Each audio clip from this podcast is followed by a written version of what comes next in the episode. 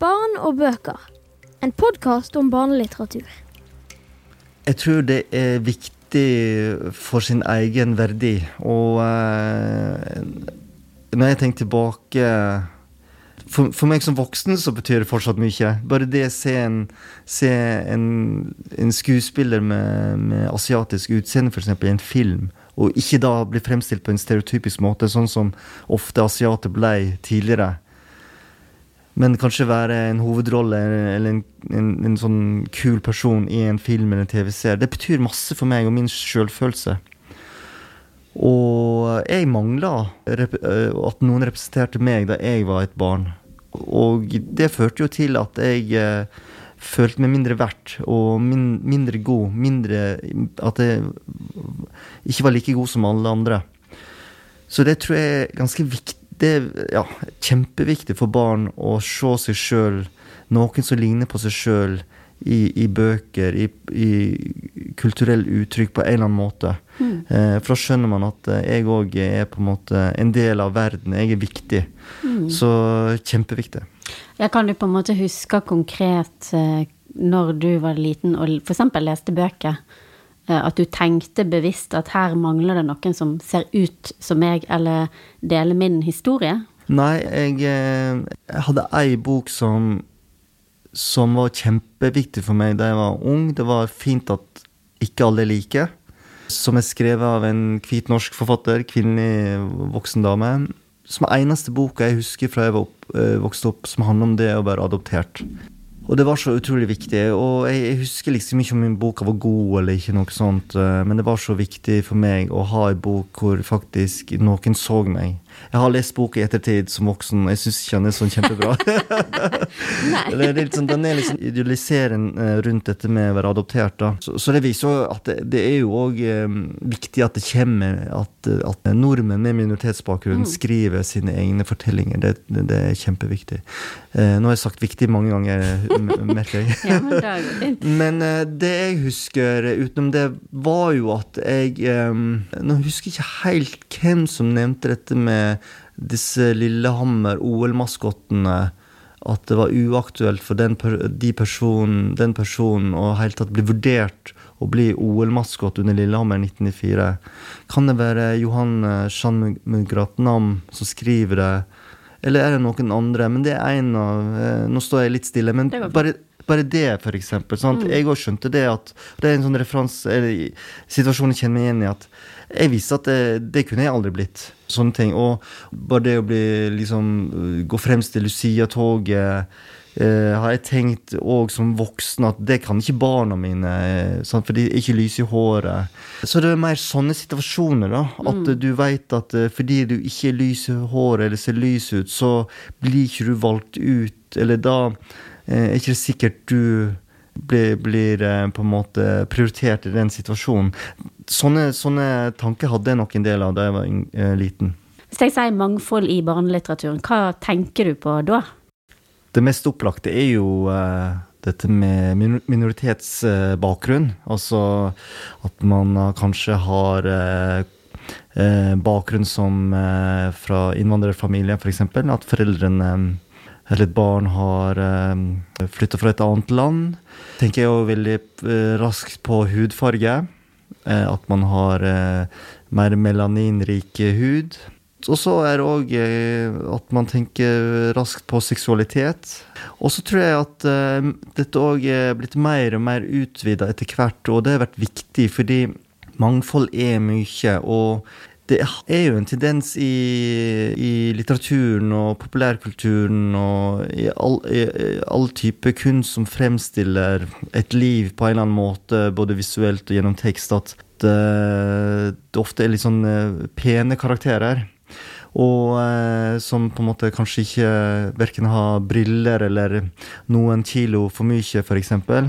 Sånn at det er jo viktig å tenke på at eh, vi mennesker er alt mulig. Vi har briller, vi har ulike hårfarger, vi har ulike kroppsfasonger. Eh, så det er også en viktig del av mangfoldsbegrepet. Og så har vi òg dette med å være, ha funksjonsnedsettelse kjempe, kjempeviktig. Det er, det er mange som uh, har uh, mindre funksjonsnedsettelse uh, av ulik grad, og det må vi òg huske på. Og så ja, forskjellige typer bakgrunner. Samisk bakgrunn. Så, så, mangfold er mye. Det handler vel egentlig om, om det som ikke er en del av majoriteten, kanskje, rett og slett. Mm.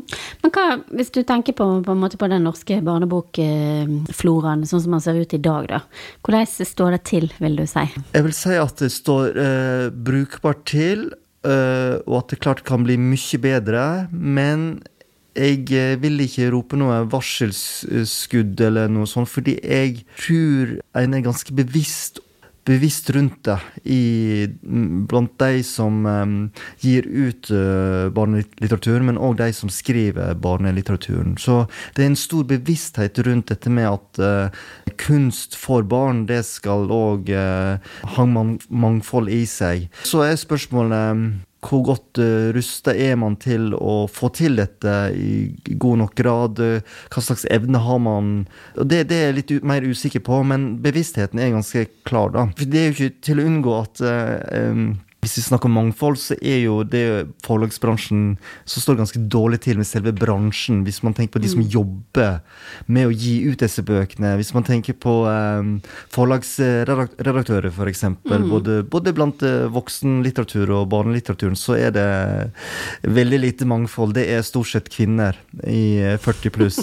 sånn at um, der må det òg gjøres noe. Det, bare det å være mannlig forlagsredaktør er jo Da er man i minoritet, faktisk. Jeg tror det er to-tre stykker som er det i hele Norge. Og det blir også færre og færre blant voksen skjønnlitteraturredaktører. Men også hvis vi da ser på uh, redaktører med minoritetsbakgrunn, med annen hudfarge, så det, står det veldig, veldig dårlig til. Men hva tenker du konkret? Altså det er jo på en måte på, på utgiversida, men hvis vi både tenker på, på de som skal gi ut bøkene, men òg på de som skal skrive de. Helt sånn praktisk konkret, hvordan kan en eh, få snudd på dette? Noe handler jo om tid. At uh, nå begynner det å komme flere med minoritetsbakgrunn som vokser opp, og som har mulighet til å, å skrive. Så ikke til å unngå heller, og dette er kanskje litt politisk ukorrekt, men at Og kanskje litt fordomsfullt fra min side òg, da, fordi alle, alle har fordommer. Men, men, eh, det er ikke til å unngå at uh, mange med minoritetsbakgrunn, der har man sikta seg inn mot mer type studier hvor uh, man er sikra jobb som har en viss status, sånn medisin, farmasi, solide jobber. Og det, og det, det å satse på kunst er kanskje noe som kan være vanskelig for la oss si, andregenerasjons innvandrere, som, som uh, har kommet med for, uh, Hvor foreldrene har flykta fra sitt hjemland og skal bygge seg opp på nytt i et nytt land som Norge, og hvor man da kanskje kjenner veldig på dette at ok, jeg må prestere, jeg må, jeg må bli noe, og da en sikker jobb. Sånn at det er en grunn til at det tar litt tid før det kommer stemme med minoritetsbakgrunn, som, som, har den muligheten til å kanskje da velge kunstnerisk retning, som er en usikker eh, valg for veldig mange, da. Nå sier du veldig mange interessante ting egentlig på en gang. For det, det kan jo Eller jeg har lett for å tenke da når du sier det, at det er jo òg et sånt eh, element kanskje av økonomisk og klasse eh, inni der. Fordi at det er jo ikke til å stikke under en stol, kanskje, at mange som skriver òg kommer fra hjemmer der det er mulighet til å på en måte prøve ut noe sånt som kunst og kultur, som ikke sikrer nettopp økonomi. Og da handler det ikke bare om hudfarge. Nei, og, det er jo, og da kommer litt den lederen av Forfatterforeningen inn her, da. ja.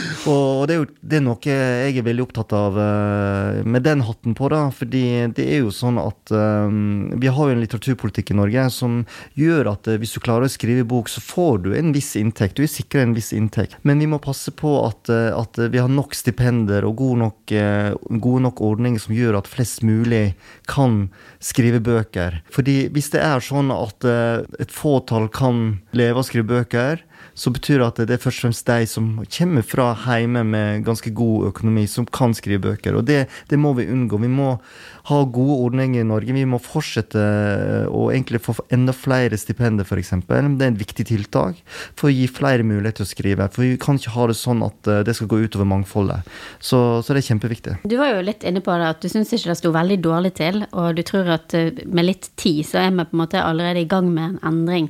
Du har jo har ikke oversikt over de årene du var barnebokredaktør på Samlaget, men i løpet av den tida du var det, hvordan vil du si at det forandrer seg? Forandrer seg eh, masse. Jeg begynte i Samlaget som eh, barnebokredaktør i 2017 og jobba fram til 2023. Og i løpet av disse seks årene så, så, ble bevisstheten rundt dette med mangfold veldig mye større. Det ble mer og mer for hvert år. Og um, jeg må sjøl innrømme, sjøl om jeg til og med har uh, en slags minoritetsbakgrunn som er adoptert, at jeg ikke tenkte så mye over dette i 2017. Det var ikke det jeg først tenkte på. Og um, hvis jeg skulle vurdert en bok, et manus nå, et prosjekt nå, seks år etterpå, så ville jeg òg hatt helt uh, flere Jeg ville hatt flere um, ting jeg ville ha sjekka ut, da. F.eks. hvordan står det til med det mangfoldige uttrykket her?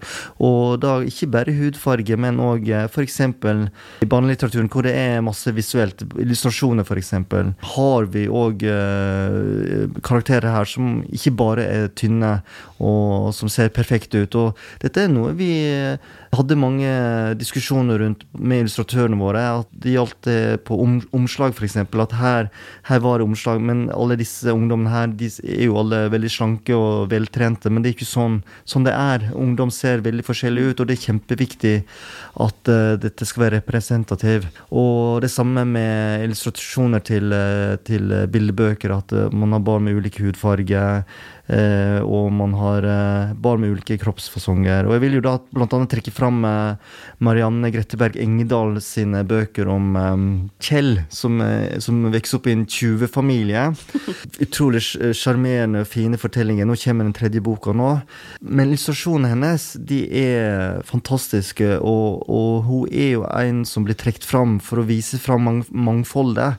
Og det er ikke nødvendigvis det som, som på en måte historien om Kjell handler om. Men i illustrasjonen det er så utrolig masse med mangfold både på alle måter. Sånn at det, det, det er en eksemplarisk måte på hvordan, hvordan, man kan få det fram i barnelitteraturen på. Nå tenkte jeg, eh, når du sier det med briller, tjukk, tynn hudfarge, så er det jo lett å legge merke til i hvert fall at uten å nevne Jeg skal ikke liksom henge ut noen eksempel her. Men det er òg lett sånn at det, ok, der er en med briller, han må være veldig, veldig smart. Altså utrolig mange fordommer knytta til, i hvert fall tradisjonelt sett, da.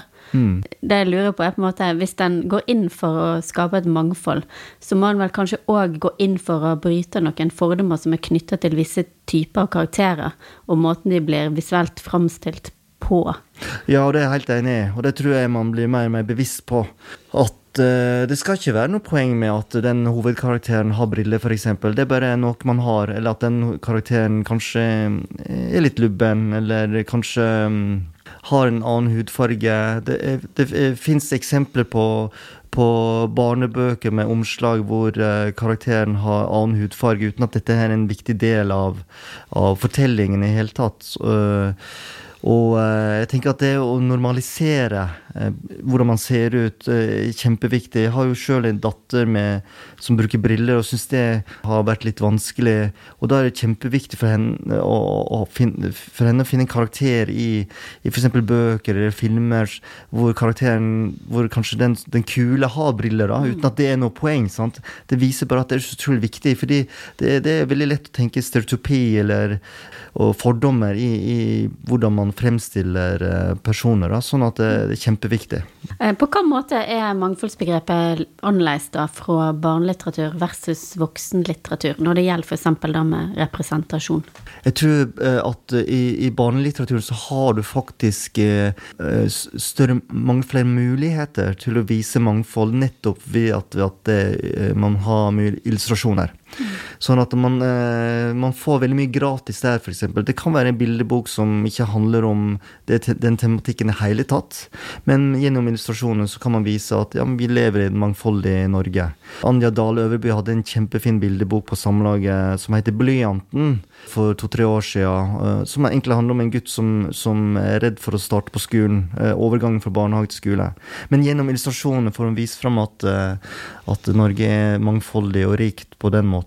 Sånn at det er den store forskjellen. Så, så, så en gang vi kommer til voksenlitteraturen, så blir jo mangfold eh, kanskje ofte mye mer en, en hoved, et hovedtema i den fortellingen. da. Og så er det jo sånn at eh, en av de utfordringene du stilte spørsmålet spørsmål til, er jo at uh, vi mangler fortsatt kanskje de som skal fortelle disse fortellingene.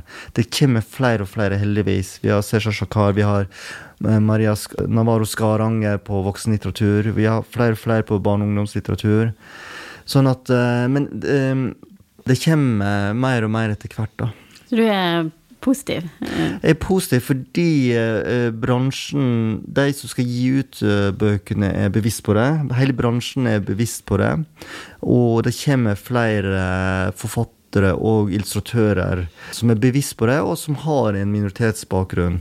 Og så handler det litt om den tiden vi lever i nå. Det er sjøl det er først nå jeg i alder av 40 år eh, var klar for å skrive om det å være minoritet sjøl. Og eh, det tror jeg har litt med den tiden vi lever i. Det var vanskeligere for 10-12 år siden. Nå er de som skal lese det, mottakerne er mye mer åpne for det, mye mer nysgjerrige for det, og det er kanskje enda større behov for det. Og vi ser også populærkulturen med Den lille havfruen, f.eks. Mm.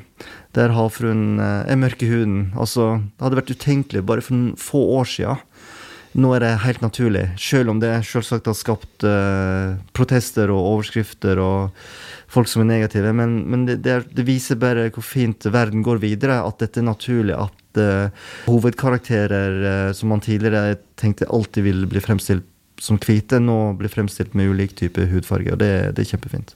En annen ting som er veldig interessant der, syns jeg, da, er jo at det er jo ikke det er ikke barna som syns at det, eh, det spiller ingen rolle hva hudfarge havfruen har. De er jo liksom allerede der vi kanskje er snart det er jo de voksne, og det har jeg kjent har provosert meg veldig. Ja, og det tror jeg nå, det handler om den tiden vi vokser opp i. Da, da jeg var ung. Mm. Eh, jeg er jo eh, så eh, represent, representativ for, for foreldregenerasjonen. Det var jo Norge hvitt. Alle forbilder, alle på TV var hvite. Barna mine vokser opp i en helt annen verden, hvor vi har forbilder med annen hudfarge. Alle folk på TV, popstjerner, journalister, forfattere skuespillere, og med venner og lekekamerater med, eh, med ulik hudfarge. Så man vokser opp i en helt annen verden hvor man kanskje ikke ser den uh, fargen på den samme måte som vi som vokste opp i en hvit verden, gjør. da. Så det tror jeg er veldig riktig.